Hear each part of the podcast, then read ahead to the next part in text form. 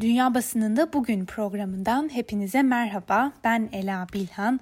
Bugün 22 Ocak Cuma ve haftanın son gününde de yaklaşık 15 dakikada dünya basınına göz atmak, aktarmak üzere yeniden sizlerleyiz. Bültenimize her zaman yaptığımız gibi Amerikan basınıyla başlıyoruz. Temsilciler Meclisi'nin eski başkan Donald Trump'la ilgili azil maddesini bu hafta senatoya gönderebileceği belirtildi. MSNBC televizyonuna konuşan senatodaki demokratların iki numarası Dick Durbin azil maddesinin bir iki gün içinde gönderilmesini beklediğini söyledi. Senatör Durbin aynı zamanda kongrede gazetecilere açıklamasında senatonun kanıtlar ve görgü tanıkları ile tam kapsamlı bir duruşma mı yapacağı yoksa hızlandırılmış bir süreç mi izleyeceği konusunda henüz kararın verilmediğini söyledi. Bu arada Reuters haber ajansına konuşan bir kaynakta Pelosi'nin azil maddesini senatoya cuma günü yani bugün gönderebileceğini söyledi. New York Times'ın bu konudaki haberine göre Cumhuriyetçi çoğunluk lideri Mitch McConnell, Trump'ın azil davasının başlamasını ertelemeye çalışıyor ve Washington Post ise bu konuda şöyle diyor. Senatodaki cumhuriyetçiler Trump'a daha fazla hazırlık süresi vermek için görevden alma davasının ertelenmesini talep ediyor. Mitch McConnell ilk duruşmanın başlangıcını Şubat ortasına kadar ertelemeyi başardı ve meslektaşlarına Donald Trump'ın davaya hazırlanmak için daha fazla zamanı hak ettiğini söyledi. Amerikan basınının diğer önemli gündemiyle devam edelim. New York Times'ın haberine göre Biden görevinin ilk tam gününde yani dün salgınla mücadele stratejisini gündeme getirdi.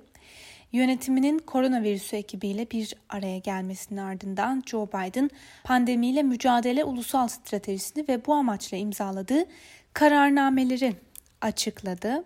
10 kararname ve ayrıca bazı talimatnameler imzalayan Biden ilk 100 günde 100 milyon aşı hedefiyle yola çıktıklarını söyledi. Ancak toplumun çoğunluğunun aşılanmasının aylar süreceğini de ekledi. Biden COVID-19 kaynaklı ölümlerin önümüzdeki ay 50 bini bulabileceği konusunda uyardı ve salgına karşı verdiği mücadeleyi Trump gibi vermeyeceğini ekledi. Yeni başkan Amerikalıları önümüzdeki 99 gün maske takmaya çağırarak maalesef bu parti taraftarlığı haline geldi ama aslında bir yurtseverlik eylemidir ifadesini de kullandı. Bu haber tabii ki Washington Post'un da gündeminde Biden ofisindeki ilk tam gününde birden fazla krizle karşı karşıya kaldı. Salgını bir savaşa benzeten Biden mücadele stratejisini açıklarken toplam ölümlerin önümüzdeki ay itibariyle 500 bini aşmasını beklediğini söylediği kasvetli bir açıklama yaptı. Bu arada Washington Post'tan Leana Wen'in yorumuna göre Biden'ın COVID-19 stratejisi alkışlanmalı. Washington Post'tan Biden'a ilişkin yapılan birkaç yorumu daha arka arkaya sıralayalım. Biden'ın cesur mülteci göçmen planı Amerika'yı bir adım öne taşıyabilir.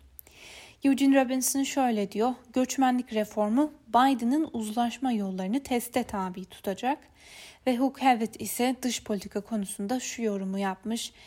Trump'ın bazı dış politikaları sürdürülmeye değerdi. Biden bunu aklında tutmalı. Ve bir diğer haberde ise İngiltere'deki hastanelerden bahsedilmiş. Birleşik Krallık'ta bulunan hastanelerden gelen korkunç görüntülerden bahsediyor e, New York Times gazetesi. Mutasyona uğrayan virüsle mücadeleden sağlık çalışanları İngiliz hükümetinin ani vaka artışını öngörememiş olması nedeniyle umutsuz ABD yönetimi İngiltere'de gelen görüntülerden ders çıkarmalı. Öte yandan yine New York Times'ın bir haberine göre Trump'ın gidişiyle salgın hastalıklarla mücadele görev gücünün başhekimi Dr. Anthony Fauci de bir kez daha sahneye geri döndü. Trump'la sık sık ters düştükleri bilinen Fauci, salgının hala büyük bir tehdit olduğunu söyleyerek izin verin artık bilim konuşsun dedi. Voice of America'nın bir haberiyle devam edelim. New York'ta 42 bin kişi salgın hastalık nedeniyle yaşamını yitirdi. Ancak can kayıplarının yanı sıra salgın eyalet ekonomisine çok ağır bir darbe vurdu. Salgın hastalık nedeniyle turizm gelirleri başta olmak üzere birçok gelirinden mahrum olan New York'ta ekonominin ve çalışan iş gücünün pandemi öncesine dönmesinin 2025 yılından önce mümkün olmayacağı belirtiliyor. Yetkililer New York eyaletindeki en büyük iş kaybı ve ekonomik sıkıntının New York kentinde yaşandığını belirtiyor. Uzmanlar New York'tan salgın hastalık e, sonrasında göç edenlerin sayısının 1 milyon kişiyi aştığını da belirtiyor. Ve Amerikan basınından aktaracağımız son habere de geçelim. Biden yönetimi Rusya ile yapılan yeni stratejik nükleer silahların indirimi anlaşmasının yani New START anlaşmasının süresini 5 yıl daha uzatmayı planlıyor. Süresi 5 Ocak'ta dolacak anlaşma her iki ülkenin sahip olabileceği nükleer silah başlığı sayısını 1550 ile kısıtlıyor. Uzmanlara göre anlaşmanın yürürlükten kalkması ABD ve Rusya'nın stratejik nükleer savaş başlıklarını ve onları taşıyan sistemler üzerindeki tüm kısıtlamaları kaldırarak yeni bir silahlanma yarışını tetiklemesi kaygılarına yol açıyor. Gelelim İngiliz basınına. İlk gazetemiz The Guardian. The Guardian'ın bugün manşetten verdiği habere göre İngiltere Sağlık Bakanlığı'nın hazırladığı ve basına sızan bir belgeye dayandırılan habere göre hükümetin Covid-19'un yayılmasını kontrol altında tutmak için değerlendirdiği seçenekler arasında ev karantinasında olanlara ödeme yapılması yer alıyor. Yönetim artan vakalar ışığında karantina destek planını bir kez daha elden geçiriyor. Bunun da sebebi artan sayıda kişinin testinin pozitif çıkmasıyla pek çok kişi test yaptırmaktan kaçınıyor. Çünkü olası bir pozitif test sonucuyla karşı karşıya kalmak istemiyorlar. Ancak BBC'nin aktardığı habere göre bu ödemelerin haftalık toplamının 453 milyon sterline mal olabileceği de hesaplanıyor. Times'ın haberine göre bakanlar bilimsel danışmanların uzun süredir COVID-19'u kontrol altına almanın önünde bir engel olduğunu söylediği bu sorunu böylece çözmeye çalışacaklar. Eğer hükümet Sağlık Bakanlığı'nın hazırladığı belgeyi onaylamaya karar verirse testi pozitif çıkan herkese 500 sterlinlik bir ödeme yapılacak.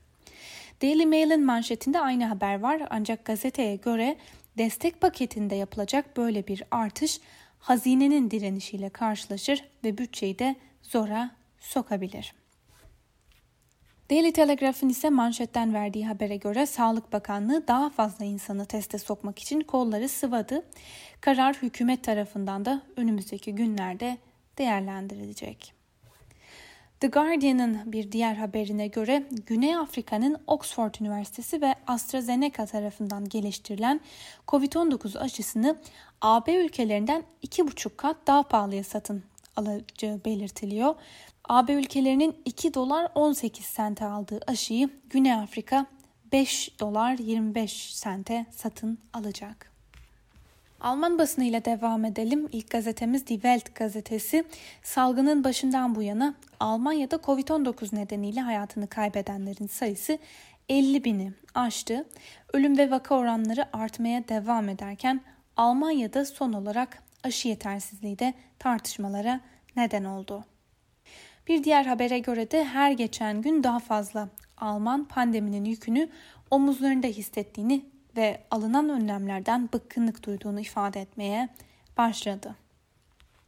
Deutsche Welle'nin haberine göre Almanya Başbakanı Merkel ülkede tedbirlerin süresinin uzatılmasını savunurken mutasyona uğramış virüsün tehlikeleri konusunda uyarıda bulundu ve pandemiyi yüzyılın felaketi olarak nitelendirdi.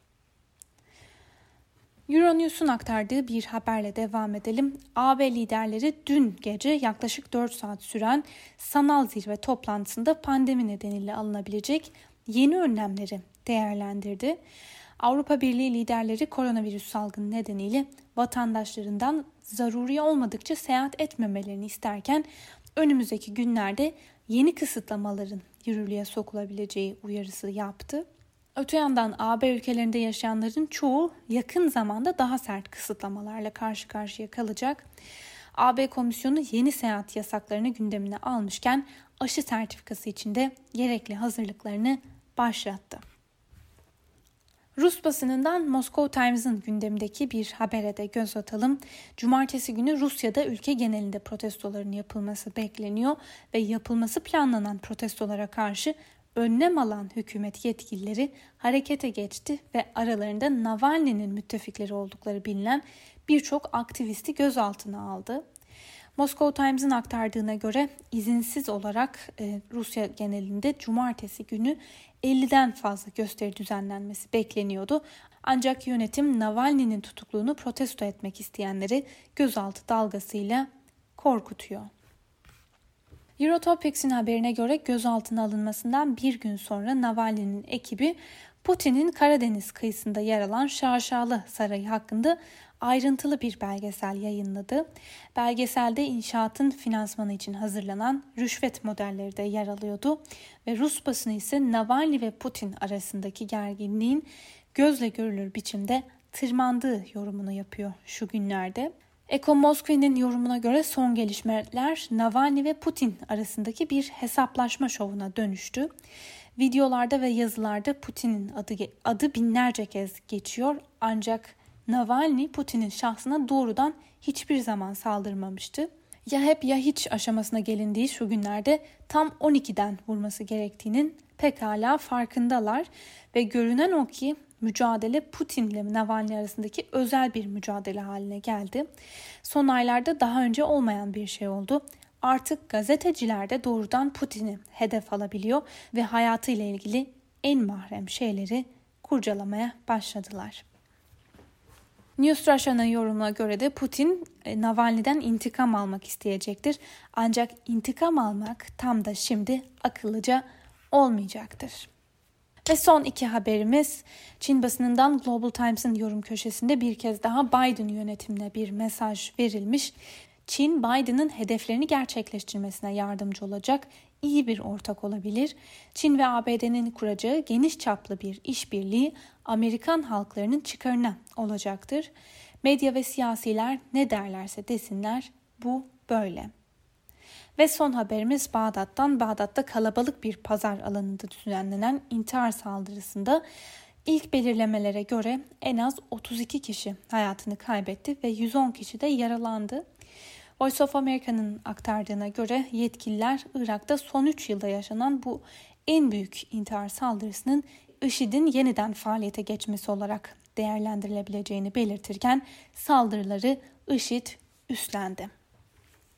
Sevgili Özgürüz Radyo dinleyicileri, aktardığımız bu haberle birlikte bugünkü programımızın da sonuna geldik. Sizlere şimdiden iyi hafta sonları dileyelim. Haftaya pazartesi günü yine aynı saatte yeniden buluşmak dileğiyle. Hoşçakalın.